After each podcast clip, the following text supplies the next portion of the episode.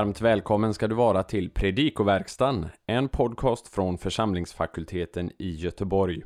Daniel Johansson går här igenom kommande söndags evangelietext till hjälp för dig som förbereder en predikan inför söndagen eller för dig som är allmänt intresserad av att veta mer om evangelietexten. På vår hemsida www.ffg.se kan du hitta genomgångar för alla tre årgångar i evangelieboken. Och där kan du också hitta information om hur du kan stödja fakultetens arbete. Men nu, en genomgång av kommande söndags evangelietext. Vi önskar dig god lyssning. Andra årgångens evangelium för elfte söndagen efter trefaldighet hämtar vi från Matteus kapitel 21, verserna 28 till 31. Av någon anledning har man åtminstone sedan 1942 års evangeliebok valt att utelämna vers 32 som helt klart hör till den här perikopen och som knyter an till vers 31 genom partikeln gar för eftersom. Den avslutande versen är viktig för förståelsen av liknelsen och Jesu förklaring av den. Så därför kommer jag också att inkludera den något i min diskussion. I den här korta liknelsen möter vi två eh, större problem. Ett textkritiskt och ett ofta förbisett problem med tolkningen. I både Bibel 2000 och Svenska folkbibeln har detta avsnitt rubriken Liknelsen om de båda sönerna. I strikt mening är det fel. Substantivet hyos, son, eh, används inte överhuvudtaget. Jesus talar om två teckna, barn och vi bör översätta därefter. En man hade två barn. Han gick till den ena och sade Mitt barn, gå idag och arbeta och så vidare. Sedan framkommer det av eh, grammatiken att det är frågan om två söner. Men den beteckningen används inte. Vi bör också uppmärksamma hur Jesus, läraren, arbetar. Han är en mästare på att variera ett grundmaterial. Man kan inte förbise likheterna mellan denna liknelse och liknelsen om de förlorade sönerna i Lukas 15. Den här är kort och koncis, den andra utbroderad med många detaljer. Men anledningen till liknelserna, de som adresseras och huvudsaken i innehållet är faktiskt detsamma. Innan vi ser närmare på texten bör vi också notera att den här liknelsen är den första i en trilogi. Efter denna följer den om vingårdsarbetarna eh, i verserna 33 till 41. Och därefter liknelsen om kungasonens bröllop i kapitel 22, verserna 1 till 13. Och jag tror att det är i de här två liknelserna vi finner en förklaring till varför Jesus här talar om barn och inte söner. Titeln son är nämligen reserverad för honom själv och möter som bekant i de följande två liknelserna. Men nu till det textkritiska problemet. Den här liknelsen föreligger faktiskt i tre olika versioner i handskrifterna. Först har vi den versionen som är tryckt i Nästlalan 28 och som är översatt i både Bibel 2000 och Folkbibeln. Vi skulle kunna beteckna den Nej, ja, den förste denna finns belagd i bland annat Codex Sinaiticus och majoritetstexten. Den andra varianten som föreligger i Codex Vaticanus kan vi beteckna Ja, nej, den senare. I denna läsart har vi alltså den omvända ordningen. Den förste säger ja, men går inte. Den andre säger nej, men går. Och Jesu motståndare svarar att den senare gjorde som Fadern ville. Den tredje läsarten finner vi i Codex Besei och i gamla latinska översättningar. Och den kan vi kalla för Nej, ja, den senare. Här föreligger samma ordning som i våra översättningar.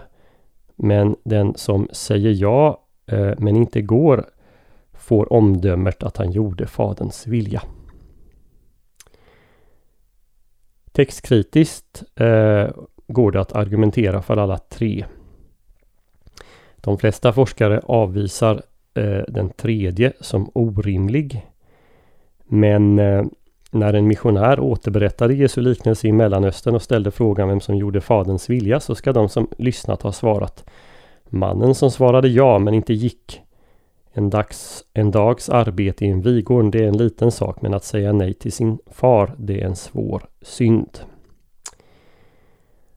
Om vi likväl avvisar eh, denna Eh, texttradition och den främsta anledningen till att göra det är att eh, den får störst problem med Jesu förklaring som sen följer i vers 32. Har vi avvisat den så står det mellan alternativ 1 och 2.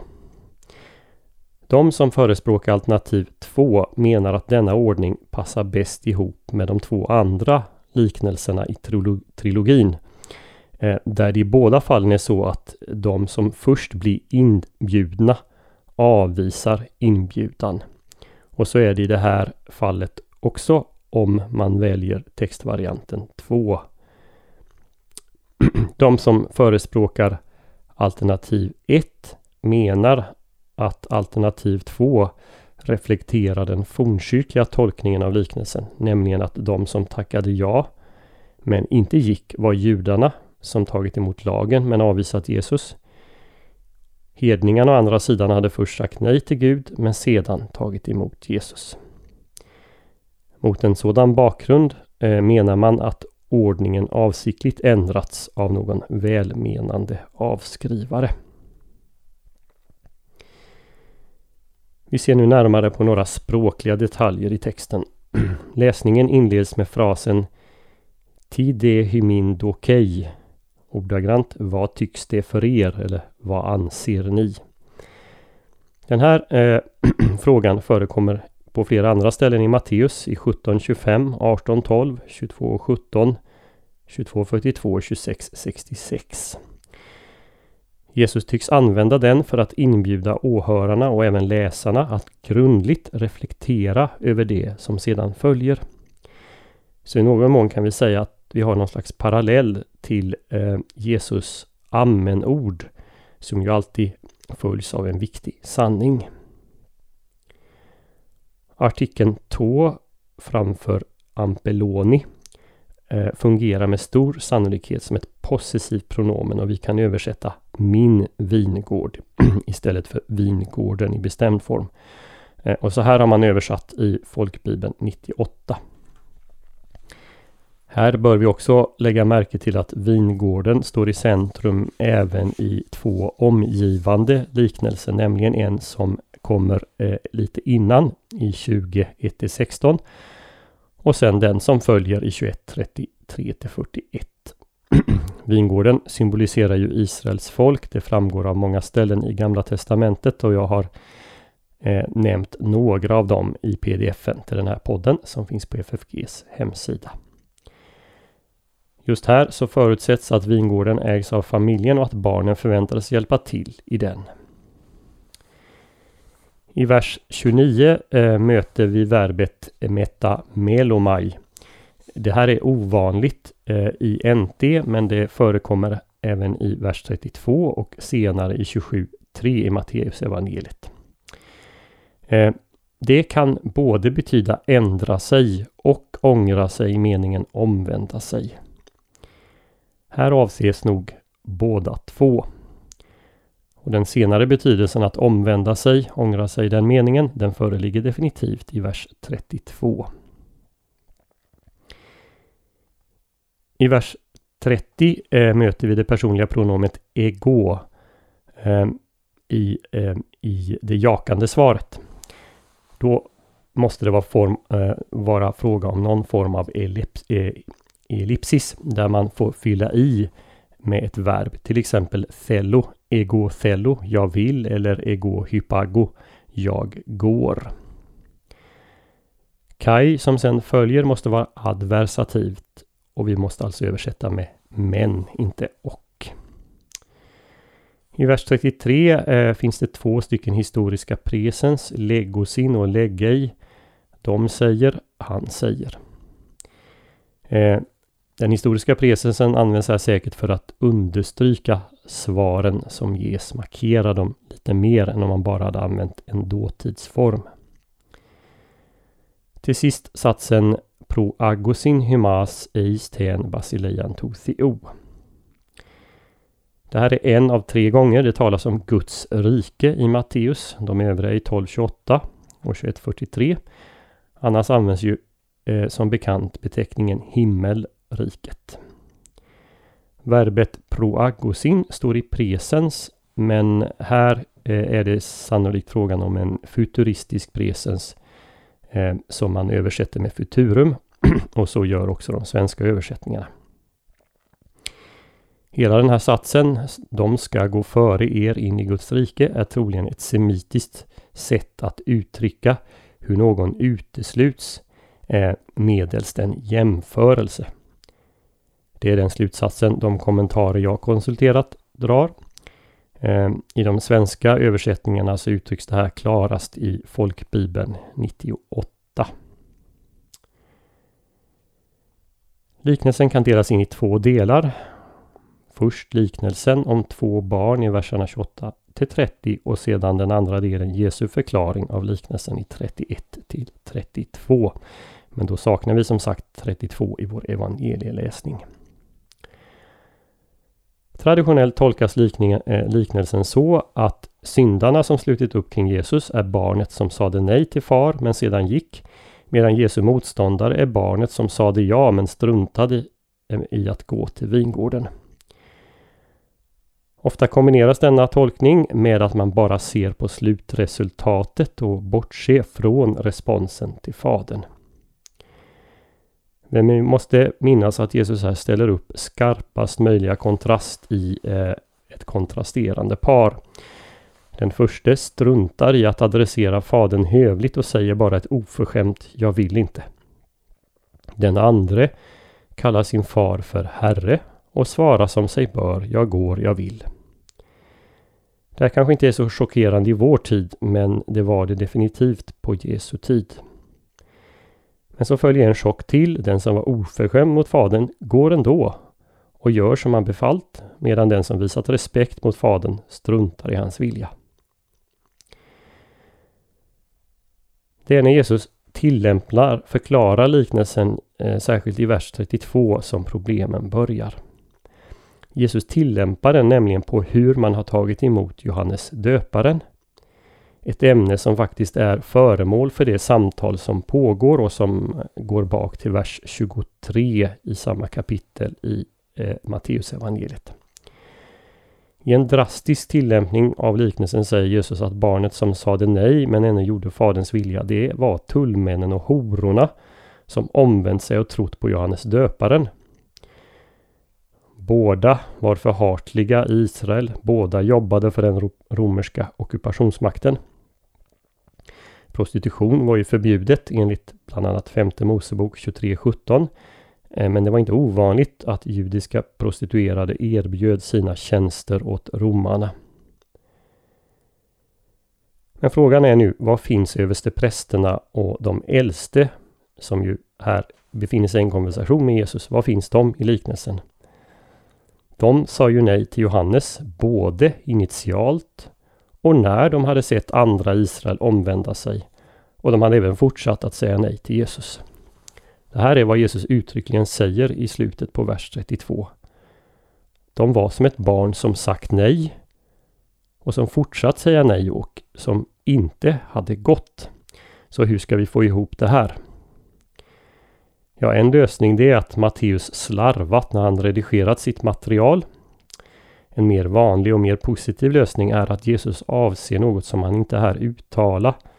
Nämligen att motståndarna och kanske tidigare generationer av israeliter tagit emot lagen, sagt ja till Torah. Men när väl Guds budbärare Johannes kom så avvisade man honom. En tredje lösning som verkligen tar fasta på vad Jesus säger när han tillämpar detta på hur man har tagit emot Johannes, för det är det Jesus uttryckligen gör. Det är att motståndarna faktiskt inte motsvarar något av barnen och att just detta är Jesu poäng. Hur då? Jo, Jesus beskriver två alternativ. Ett barn som uppför sig bedrövligt mot sin far och förolämpar honom men som ändå går och gör det han vill. Och ett annat barn som visserligen uppför sig eh, hövligt mot far men som sen struntar i det han vill. Men, vill Jesus säga till översteprästerna och de äldste, ni, ni gör varken eller, hur mycket värre för er. Förstår man så här så gör för Jesus ett så kallat kalva homer resonemang. Han resonerar från det mindre, de båda bar barnen, till det större, Jesu motståndare. Och lägg märke till hur Jesus för dem in i en fälla som de inte kan komma utifrån. De får ju avgöra vem som handlat rätt. Men vad de än svarar så har Jesus dem i fällan. De skulle ha tagit emot Johannes när han kom. Han förkunnade Guds rättfärdighet, det vill säga det Guds rättfärdiga handlande som innebar Israels upprättelse och frälsning och som beredde väg för detta. När de inte tog emot honom initialt så borde de i alla fall ha gjort det när de såg de avfallna Israel ta emot honom. Men inte heller det gjorde de. Hur mycket värre för dem. Det som också är ögonfallande här det är hur Jesus eh, fördömer de som inte trodde på Johannes döparens budskap på ett liknande sätt som han tidigare fördömt de som inte tar emot hans eget budskap. Eh, vi finner tydliga uttalanden om detta i Matteus 11, 20-24 och i 12, 41-42. Kontinuiteten mellan Johannes döparen och Jesus uttrycks inte tydligare än så här. Det är förmodligen också anledning till att Matteus inkluderar så mycket av Johannes undervisning i sitt evangelium. Så hoppas vi att denna genomgång får bli till hjälp och välsignelse för dig som har lyssnat. På vår hemsida www.ffg.se kan du hitta information om hur du kan stödja fakultetens arbete, bland annat som genom den här podcasten. Ett sätt att stödja är att skänka en gåva genom Swish. Församlingsfakultetens Swish-nummer är 123 100 8457. Alltså 123 100 8457. Mottagaren som anges är Peter Isak Bens utbildningsstiftelse. Märk gärna gåvan FFG Podcast om du vill stötta just denna podden. Så önskar vi dig allt gott och Guds välsignelse.